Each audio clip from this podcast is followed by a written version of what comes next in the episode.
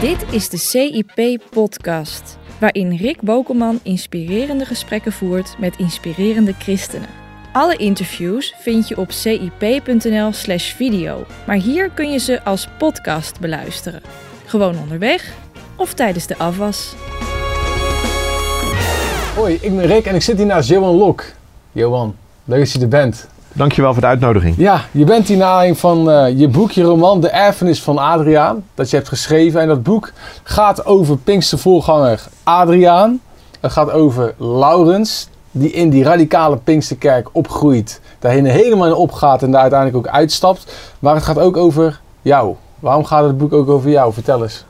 Nou, Laurens valt voor 99% met mij samen. Alleen, ik, ik wilde een roman schrijven omdat ik daardoor iets meer afstand kon nemen. Ik wilde geen journalistiek verslag eh, schrijven van wat er precies gebeurd is in die kerk van mij. Dat was de Kandelaar in Rotterdam.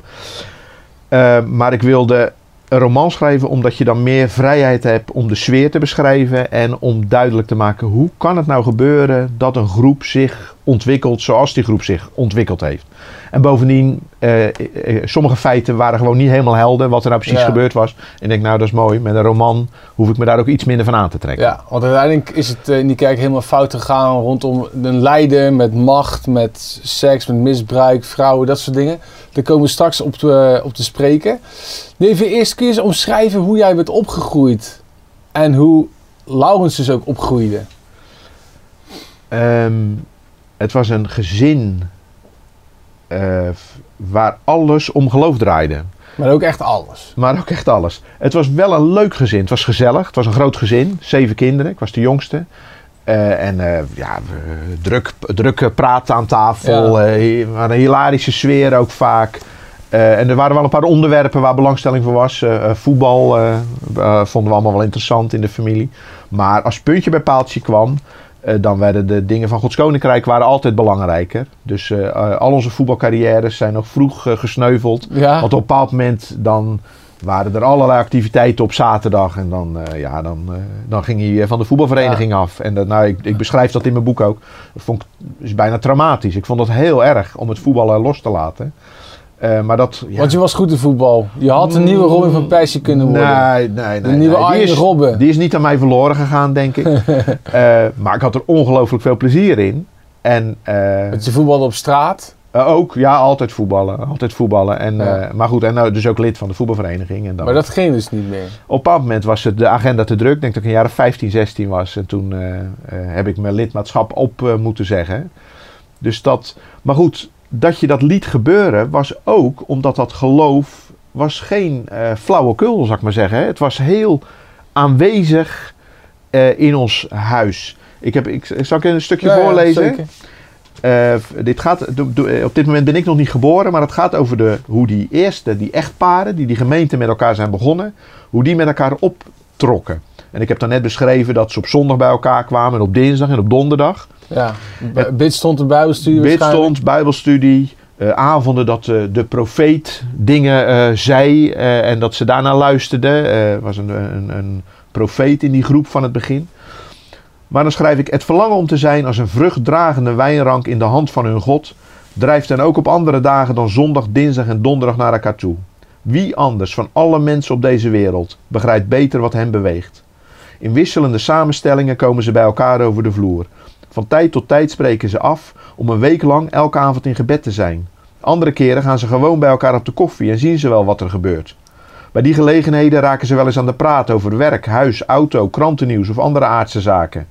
Alleen wat zeldzaam oninteressant is dat alles eigenlijk. En al gauw komen ze te spreken over de preek van Adriaan van afgelopen zondag.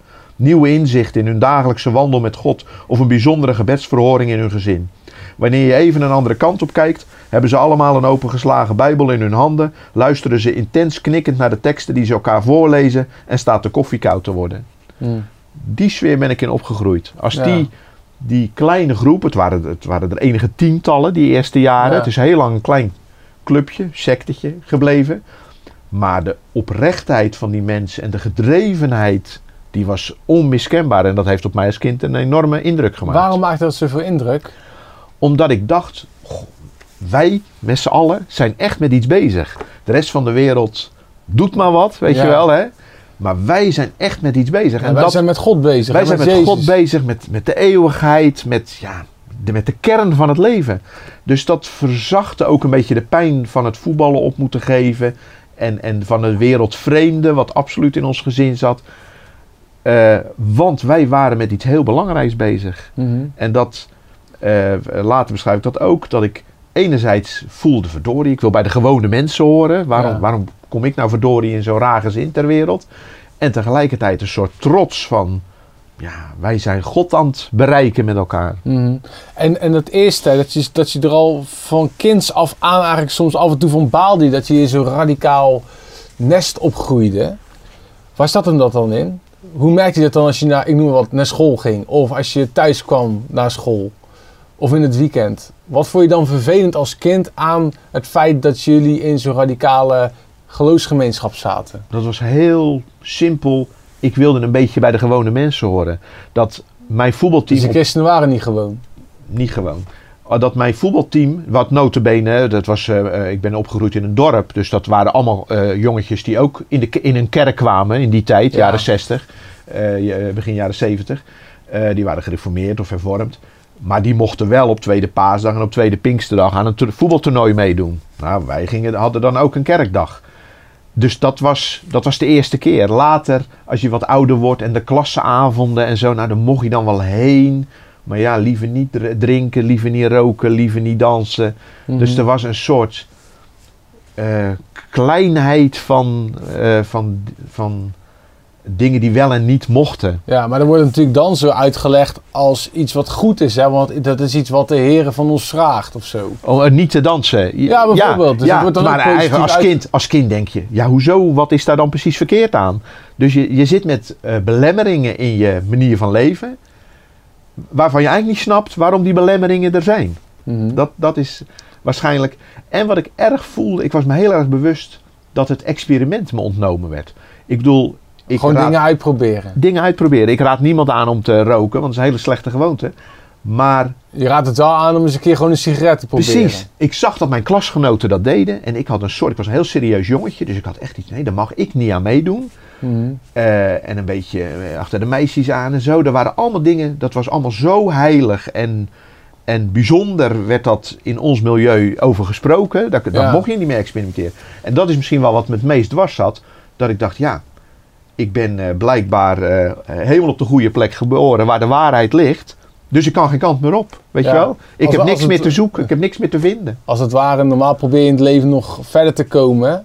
Ja, eh, in het spreekwoordelijke beloofde land. Maar jij was er al. ik was er al. Ja. En natuurlijk maatschappelijk, ik kon een studie doen en ik moest een baan vinden. Dus in die zin kon ik mijn weg wel vinden zoals ieder ander. Mhm. Maar de kern van wie ben ik nou eigenlijk? Hoe wil ik leven? Wat voor vrienden wil ik selecteren in de loop van mijn leven? Wat voor soort mensen wil ik bijhoren? Ik voelde altijd een discrepantie tussen hoe ik leefde, omdat ik nou eenmaal in die gemeente zat. En wat ik misschien wel echt interessant ja. vond. Want kon jij bijvoorbeeld je vrienden echt kiezen? Nou ja, ik had op de middelbare school was ik gewoon one of the boys eh, in de lessen en op school. Maar aan het eind van de dag ging ik naar huis. Die vriendschappen kwamen nooit verder. Omdat ja, al mijn tijd ging ook in de kandelaar zitten. Mhm. En eh, ik Ja, werd... je thuis wil je toch gewoon spelen als kind? eh, Johan? je, je gaat toch gewoon spelen met, ja, op de lagere school... Met vriendjes of zo? Op de lagere school had ik wel degelijk mijn vriendjes, ja. Dan, Ja. maar, la- maar naarmate ik ouder werd en dus ook mijn verplichtingen van het gemeenteleven toenamen, hè, dat ik ook naar de bijbelstudie ging op dinsdagavond en op zaterdagavond naar de koffiebar, nam dus, de, dus op de leeftijd dat je een beetje s'avonds ook elkaar gaat ontmoeten als vrienden, toen haakte ik af. Toen hoorde ik niet meer bij de vriendschappen, Mhm. want ik was altijd in die kandelaar. Ja. En geloofde je toen echt in God? Dat vind ik, dat is een van de vragen die ik in mijn boek stel en niet goed een antwoord op geef. Maar wat betekent geloven in God nog als, als heel de atmosfeer zo is? Ik bedoel, eh 100 of 200 jaar geleden geloofde iedereen in God Mhm. eh, in de maatschappij. Want, hallo, eh, Dat was nou eenmaal zo. dat was nou eenmaal zo. God bestond. En in de jaren 60, 70 was dat misschien in bepaalde kringen ook nog steeds een beetje zo. Maar in ieder geval, terwijl ik dus om me heen wel zag dat er anders over geloof en God gedacht werd, leefde ik in een soort biotoop waar alles God en geloof was. Dus nee, dat was dus ook een van de vragen die ik me opgroeiend zelf steeds vaker stelde. Wat geloof ik nou zelf eigenlijk? Ja. Want als jij naar de kerk ging op zondag, hè, omschrijf dat dan eens. Hoe ging dat dan? Hoe zag zo'n kerkdienst er in de Kandela uit? Ehm, veel zingen. Eh, eh, tijdens dat zingen was er vaak een moment eh, dat dan een profeet zijn stem verhief. Hè. Dan werd er in tongen gesproken en dan werd er, ik zie een visioen en daar werd iets over gezegd. En dan later kwam de prediking, die duurde wel een uurtje. Eh, maar nu vertel ik het een beetje alsof dat een hele bezoeking was. Maar dat was niet zo, want het was toch ook, daar heerst enorm dat gevoel. God zelf spreekt tot ons. Door die profeet, door die prediking. Ja. Dus het was ook wel spannend. Maar Van- dat kan natuurlijk ook heel erg mooi zijn. Gewoon heel Absoluut. relaxed en fantastisch. Absoluut. Ja, zeker. Nee, daar, daar zaten ook mooie zondagen bij. Maar wat maakt het dan dat het daar zo vaak, voor jouw gevoel in ieder geval, hoe jij dat ook persoonlijk hebt beleefd, dat het zo bedrukkend was? Omdat het. Er was geen ruimte meer. Er was geen ademruimte meer. Het was. Wat daar gebeurde, die kant gingen we op. En hoe mooi dat ook kan zijn. Ja, eh, als jij mij uitnodigt voor een reis naar Argentinië, dan is dat leuk. Maar als we jaar in jaar uit in Argentinië rond blijven lopen, dan komt er misschien een dag dat ik denk, nou, ik wil nou wel een keer weer naar huis of naar een ander land. Maar nee, wij zijn in Argentinië. Ik denk dat dat, dat, dat het het beste beschrijft. Ja. Ik was niet per se niet gelovig. Ik was niet per se dat ik er geen zin in had. Sterker, ik ben naarmate ik ouder werd steeds actiever geworden in die kerk. Een soort vlucht naar voren, denk ik achteraf wel eens. Dat was dus allemaal niet per se verkeerd. Maar het idee dat ik niet kon ademen. Dat de rest van de wereld blijkbaar voor mij afgesloten was. Ja. Ik denk dat dat me heel erg benauwde. En die kerk, die werd geleid door, en die kerk ging ook groeien onder leiding van een hele sterke leider. Ja, gezalfde des heren. Ja, ja, ja, ja. Adriaan, Adriaan. heet hij in het boek. Ja. Die leider was dus belangrijk. enorm. En eh, ik denk dat daar ook mee meespeelde. Hij was degene die boven kwam drijven in die kleine groep van het begin. Dus op een zei nou, het is logisch dat hij de voorganger wordt. En toen werd het een beetje link, want Adriaan ging zelf ook in bijbelstudies geven over het fenomeen van de gezalfde des heren. Hè? David, Saul. Eh, en nou ja, dan was dus min of meer duidelijk dat hij nu de gezalfde des heren was in hun Maar hij was gezelschap. nu een soort de gezalfde des heren, zoals het ook bij David en Samuel was. Precies. En eh, dat werd dan ook nog eens door die profetieën bevestigd. Hè? Dus de profeten Oh, in ja. hun groep, die, die had ook visioenen... waarbij die zalving nog eens bevestigd werd of in beeld kwam. Eh, dus daar werd Adriaans positie steeds sterker door. En naarmate de gemeente groter werd, kwamen natuurlijk allemaal nieuwe leden bij... En die werden eigenlijk, nou ja, bij de ingang kregen ze al te horen, ja, dat is Adriaan. En dat is niet zomaar een dominee. Nee, dat is onze door God gezalfde voorganger. En God leidt alle dingen. Dus God heeft ons deze voorganger gegeven. En eh, daar moeten we zuinig op zijn. En waarom denk je, werd dat niet eh, gerelativeerd? Van joh, Adriaan die poept en plast ook. Om het Ja. maar even respect, eh, ja, Ja, een beetje ja. raar te zeggen, maar ik bedoel het wel respectvol. Nee, precies. En dat is... Op een bepaald moment beschrijf ik in mijn boek dat ze een soort verbond met elkaar sluiten. Die groep van het begin. En vanaf dat moment was het idee enorm sterk. Wij moeten bij elkaar blijven. Dat, Mhm. Ik beschrijf dat in mijn boek. Er is dan een gebedsnacht voor een ziek kind. Aan het eind van die nacht is dat kind genezen. Maar in die hele ge- geloofstrijd van die nacht, van het bidden met elkaar en zondebeleiden aan elkaar, is er een soort moment dat ze elkaar eh, vast hebben gepakt en hebben gezegd: wij gaan elkaar nooit meer verlaten. Ja, Ja, dat zie ik op de cover. precies. Dat gevoel zit in, de cover, in het coverbeeld verwerkt. Vijf Ja, paar handen aan de mensen die, die- kijken. die elkaar beetpakken. Ja, En ik denk dat het daardoor kwam er zit ook wel iets onheilspellends in die foto. tegelijkertijd iets onheilspellends. Ja, nee, daarom vind ik het een hele goede. Het vat het boek enorm sa- goed samen, dat beeld. Er zat iets warms in dat verbond, maar ook iets bedreigends.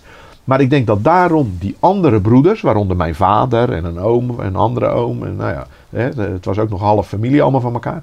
Maar dat die andere broeders er toestonden dat Adriaan zo boven kwam drijven, dat had daarmee te maken van de club moet bij elkaar blijven. Wij moeten een eenheid blijven vormen. Ja, en we hebben dus ook één duidelijke leider nodig. En dan hebben we één duidelijke leider nodig. En als we toe gaan staan dat die leider kritiek krijgt. Ja, dat is het begin van het einde. Dan gaat de gemeente straks scheuren. En dat moeten we niet hebben. Ja, en, Dus- en je hebt er ook een fragment bij, hè? Nou, ik Bij- heb hier een fragment. Inderdaad, waarin ik zelf een bijbelstudie bijwoon. Als opgroeiend kind. Ja, En misschien helpt dat als je dat hoort wat ik nu ga voorlezen. Denk je, aha, als je dat elke week, dat soort bijbelstudies krijgt. Nou ja, dan ga je er wel bij horen. Ja. Adriaan spreekt over de verovering van Canaan door de twaalf stammen van Israël. Elke stam kreeg daarbij een nauwkeurig omschreven stuk van het land toegewezen en werd tot trouw aan dat grondgebied aangemoedigd. Precies zo, legt hij uit, is de gemeente onze heilige grond. Niet zomaar een inwisselbaar instituut waar je komt en gaat zoals het jou uitkomt of zolang het jou bevalt. Het lijkt wel of oom Adriaan mijn gedachten heeft gelezen en rechtstreeks tot mij spreekt. Hij hoort broeders of zusters wel eens zeggen dat ze een keertje een zondagmorgen willen overslaan of een andere kerk willen bezoeken. Is dat niet vreemd? Gaan zulke gemeenteleden ook af en toe een tijdje ergens anders wonen? Of s'avonds bij de buren eten in plaats van thuis? Nee, zoals je trouw bent aan je letterlijke huis en gezin, zo ben je trouw aan de gemeente waar je bij hoort. Of vind je het geestelijk voedsel dat je hier krijgt voorgeschoteld niet lekker en voedzaam genoeg? Denk je zonder dat voedsel te kunnen? Wil je misschien beweren dat God zich vergiste toen hij je door geboorte of latere bekering juist in deze kerk plaatste? Al het gelijk heeft Adriaan aan zijn zijde, wanneer hij zo onze geloofsgemeenschap een plek geeft in Gods raadbesluit. Het gelijk van het woord, het gelijk van zijn persoonlijke charisma, het gelijk van Gert, Arnold en Herman en hun gezinnen, die immers alle anderen ten voorbeeld al jarenlang hun hele hebben en houden in dit erfdeel beleggen. Het gelijk van de nieuwe bekeerlingen die God telkens toevoegt. Het gelijk van de Heilige Geest die zijn woorden in onze harten bevestigt. Het gelijk van de profeten die zijn predikingen met visioenen en bijbelteksten kracht bijzetten. Het is meer gelijk dan ik aan kan. Jong als ik ben, in deze gemeenschap opgegroeid. Volle neef van Adriaan en Herman, zoon van Gert. Vijf broers en een zus boven me, die al even vanzelfsprekend deze weg bewandelen. Zelf een ernstig jongetje, dat niets liever wil dan de goede dingen doen. Wanneer Adriaan zo spreekt, is het alsof een straffe westenwind mij achterover in mijn stoel drukt. Wij vormen met elkaar een vooruitgeschoven post in Gods plan. Dat mogen duidelijk zijn. En het is geen klein bier om daar deel van uit te maken. Een grote verantwoordelijkheid ook, bedenk ik zorgelijk. Al vind ik het jammer dat de kaarten voor mijn leven al zo vroeg geschud zijn, de trots overheerst. Hier wordt iets groots tot stand gebracht. En ik ben erbij. Jongen, jongen. Snap je? Dus het was en die trots en tegelijkertijd. Maar dat kan, nou ja, ik heb het vaak vergeleken met Willem-Alexander. Die denkt, dat is wat, ik mag de nieuwe koning worden. En die zal ook vaak gedacht hebben, dat is wat, ik moet de nieuwe koning worden. Ik kan Mhm. geen kant op. Ja. Nou, zo denk Ja. ik. En ik, ik had dus een enorm gevoel ook van verantwoordelijkheid. Ja. Ik kan dit niet zomaar uit mijn handen laten vallen. Hey, en achteraf, wanneer werd het echt creepy in de kerk? Met die leider ook, Adriaan. Begin jaren negentig, denk ik. Waarom? Toen, dat weet ik eigenlijk niet op dat moment. Want ik was toen, even kijken hoe oud was ik. Ik eh, eind twintig. En ik leidde de jeugdgroep. eh, Dus ik, ik was ook, ik zat een beetje op dat jeugdgroep eiland van de gemeente. Maar in de oudere groepen was er iets aan de hand. En er waren mensen die verlieten de gemeente. Niet zomaar één of twee, maar echt wel 10, 20, 30. Mhm. En dat was voor zo'n trouwe gemeente een enorme gebeurtenis. En de sfeer was niet tof toen. De manier waarop die mensen werden afgeserveerd. Met de knorrige berichten in het gemeentenieuws van eh, niet meer mee omgaan, weet je wel. Er werd ook echt gezegd, je mag niet meer met die mensen omgaan. Nou, dat, wij adviseren u om daar niet mee om te gaan, weet je wel. Want dat is maar negatieve invloed en eh, daar word je niet wijzer van. En de gemeente was ook ongelooflijk loyaal. Dus al die mensen dachten ook, hé wat vervelend. Waarom doen die mensen zo naar? Waarom gaan ze Ja. weg? Waarom ze weggingen trouwens, daar ben ik pas veel later, zelfs pas na het schrijven van het boek, achtergekomen. Dat was Dat- omdat... Omdat sommigen al veel meer wisten dan de meesten wisten. Mhm. Alleen, het is ze blijkbaar niet goed gelukt om dat over het voetlicht eh, te brengen. Ja. Eh, maar ze hadden deels intuïtie. En deels hadden ze echt dingen meegemaakt als ze dachten, ja, dit, zo ga je niet met mensen om. Of die Adriaan, die misdraagt zich. Ze wisten dingen. Maar die mensen zijn ja, een soort kalt gesteld. Daar ging je niet meer mee om. Dus de Maar had jij gemeente, nooit je verdenkingen of zo? daar was, het gebeurde net iets te ver van mij af. Want er was ook een grote afstand tussen jou en de gezalfde leider. Nee, nee, nee, het was mijn oom, letterlijk Ja. ook. En eh, nee, ik was vaak in het gebouw en dan kwam ik hem tegen. Maar dan denk je nooit van misschien rare trekjes heeft hij of rare dingen zegt hij nou. Of, eh, Ja, dat dacht je wel eens. Maar het was verder een Kun je hele... een voorbeeld noemen? Ja, dan, dan had hij het over iemand. En dan dacht ik, oeh, dat vind ik wel heel... Ja, wat zei hij? Ach, die deugt niet, weet je wel. Of eh, eh, die wil ten diepste de heren niet dienen. Of eh, die is alleen maar met zijn eigen belang bezig. Of die praat te veel. van die harde, korte oordelen. Ja. Of eh, die is al interessant in het kader van het boek. Die is altijd met seks bezig. Mhm. Dus dat soort, en dat ik dacht, wat liefdeloos dit soort omschrijvingen. ja, het wel de grote leider was. Precies. En, en dat, is, dat hoor, ik, hoor je ook uit andere kringen. Ik heb wel een laatste artikel over boeddhistische kringen, waarin ook de, de hoofdmonnik bepaald gedrag vertoont, waarvan je denkt, nou, is dit nou wel zo fris? Maar er is een enorme neiging dan bij de volgelingen om te zeggen, ja, Ja. maar hij is ook ruwe bolster, blanke pit, heeft een beetje eigenaardige trekjes, maar dat maakt hem juist wel interessant. Ja. En kritiek hebben kon toen dus niet. Nee, nee. je kon is- niet zeggen, hé hey Adriaan, luister eens.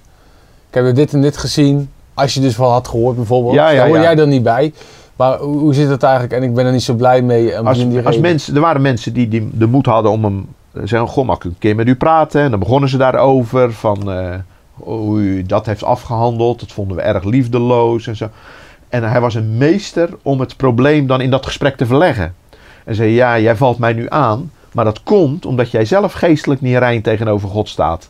En dat deed hij zo verschrikkelijk goed. En hij had ook de status van de gezalde Dus hij had sowieso een voorsprong Hij in het gesprek. eh, 5-0 voor. Hij stond 5-0 voor bij voorbaat. En die mensen, heel vaak, ik heb dat zelf ook wel meegemaakt. Dan verliet je de kamer met het gevoel van, nou, ik heb iets om over na te denken. Terwijl je, je was het de kamer ingegaan om nou eindelijk Adriaan eens te vragen waarom die dingen op een bepaalde manier Ja. deed. En achteraf, kun je even omschrijven wat achteraf allemaal naar buiten kwam. Wat er allemaal echt aan de hand was. Even, kun je het even opsommen? Ja, nou ja, ik wil niet helemaal het, eh, het plot eh, spoilen van Nee, het. dat snap ik. eh, maar je denkt het hele boek door wel. Die Adriaan, is die wel helemaal zuiver op de graad in zijn omgang met vrouwen? Is die wel helemaal zuiver op de graad in zijn manier van leiderschap? Ehm, is die niet een beetje narcistisch misschien? Is zijn leiderschap niet helemaal uit de hand gelopen? Dat denk je en dat blijkt best wel een beetje waar te zijn op het slot. Ja. Dus Want veel mensen kennen de geschiedenis van de kandelaar ook. Dat is Ja, geen ja. nette bedoeling geweest. nee.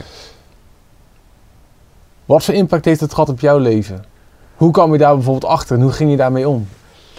Eh, voor mij, kijk, dus tot 1998 heb ik altijd gedacht: Adriaan heeft een beetje bijzondere trekjes, Maar, maar het is toch een man van God. En, eh, 98 was drie jaar na zijn dood. Hij is in 95 gestorven. Toen kwamen in 98 ineens werd er serieus werk gemaakt om met oud-gemeenteleden te praten en zo. Dus toen kwam in korte tijd van alles boven water. Dus toen is er ook een officiële brief gestuurd aan de gemeente, beste gemeenteleden. Eh, Adriaan heeft zich misdragen met vrouwen, manipulatief gedrag, et cetera. Nou, dat was een bom. Ineens hè, een gemeente van 1000, 1500 mensen. Die eh ineens allemaal beseften. We zijn achter een zeer dubieus mannetje aangelopen al die jaren. Dus dat was ook voor mij het moment dat ik voor het eerst besefte. De zaak eh, stinkt, eh, is zo rot als een ja. mispel. En het heeft ook iets te maken met een auto die je aan de kant van de weg hebt gezet. Ja, dat is. Nou ja, dat, dat waren dus twee dingen. Aan de ene kant dus de openbaringen, zal ik maar zeggen, rond Adriaan, hè, het nieuws van Adriaan. Maar er speelde iets anders mee, dat mijn gevoel van hoor ik hier wel qua geloofsbeleving, eh, die, eh, die strijd speelde daar parallel aan ongeveer. Ja. Dus eh, de Toronto Blessing, voor veel mensen een bekend fenomeen, deed ook in onze gemeente zijn Ja. intrede. Dat mensen helemaal gingen lachen en schudden en dat soort dingen. En daar voelde ik me zo enorm niet in thuis. Dat ik voor het eerst van mijn leven voor mezelf begon te denken. Ja, dat klinkt wel heel tragisch zoals ik het nu zeg. Maar zo voelde ik dat toen. Denk ik, oké, ik heb 30 jaar lang ben ik, heb ik geleefd zoals ik dacht dat ik moest leven met de gemeente. Ja. Zoals de gemeente, ging de gemeente naar links, ging ik naar links. Ging de gemeente naar rechts, ging ik naar rechts. En nu voor het eerst doet zich hier iets voor waar ik zo ongelooflijk slecht gevoel bij heb. Ik kan hier niet meer in meegaan. Ik wil hier niet meer in meegaan. En toen heb je de auto aan de kant En van de weg toen gezet. was ik na een samenkomst, inderdaad, reed ik naar huis. En moest ik de auto langs de kant zetten. Gewoon omdat ik zo verschrikkelijk heb zitten janken toen. Nou ja, het was alsof ik besloten had om mijn huwelijk op te breken. Omdat Mhm. ik wist, dit kan niet meer verder zo. Ja. Ik zie dat het je nu nog raakt. Waarom? Enorm, enorm. Nou, omdat het, wat ik, ik maak niet voor niks de vergelijking met een huwelijk. Het was een, een soort symbiotische relatie. Het was een liefdesrelatie. Het was een verbondenheid die zo in al mijn vezels zat. Dat ik toen dacht, maar als ik hier niet meer bij wil horen. dan ga ik dus misschien de gemeente wel verlaten. Mhm. Nou, dat heeft echt nog maanden geduurd voordat ik dat ook echt deed. Sterker, daar waren dus al die slechte verhalen over Adriaan voor nodig. Dus ik had eerst mijn geloofstwijfel en toen de ellende van Adriaan. En toen pas had ik de moed om er een punt achter te zetten. ja. Ja. En sta je dan achteraf niet voor je kop? Toevallig vanochtend in voorbereiding op dit gesprek zat ik mijn boek zelf weer even door te bladeren. En ik merk dat het boek me geholpen heeft om mezelf dat te vergeven. Omdat ik denk, het was ook wel Dus je heel had ook close. gewoon in een hele mooie kerk, relaxere kerk Het was zitten. warm. Ik had de vrienden. Kijk, als het een secte van 30 mensen was gebleven, maar het waren 1000, 1500 mensen. Ik heb daar vrienden op gedaan die ik gelukkig nog steeds eh, tot mijn vrienden reken. Sommigen gelovig, sommigen niet meer. Eh, eh, maar die vriendschappen zijn gebleven.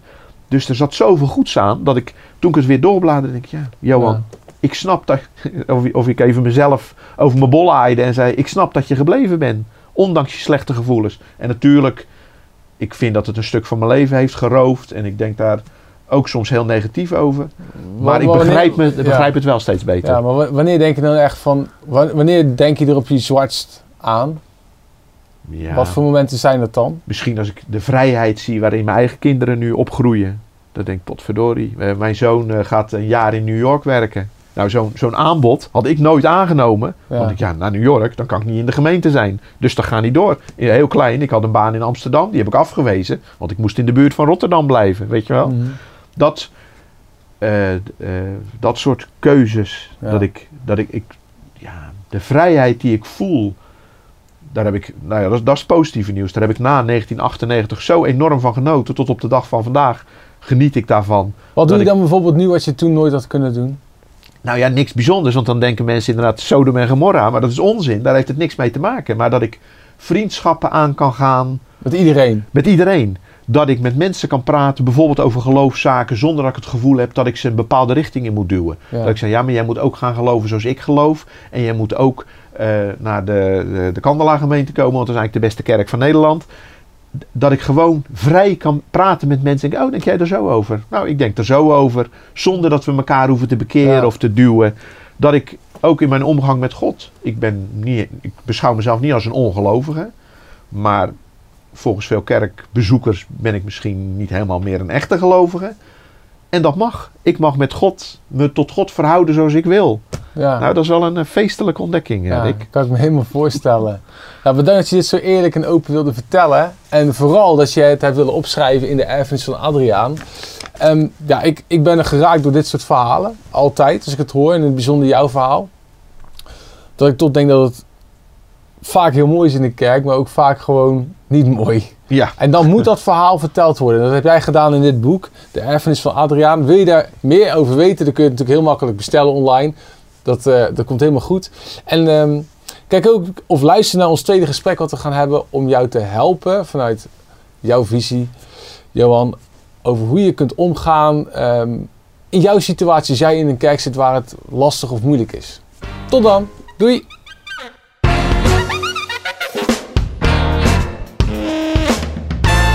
Je luisterde naar de CIP-podcast. Heb je wat gehad aan deze podcast? Laat dan een recensie achter in iTunes. Of steun CIP.nl door CIP Plus lid te worden op onze website.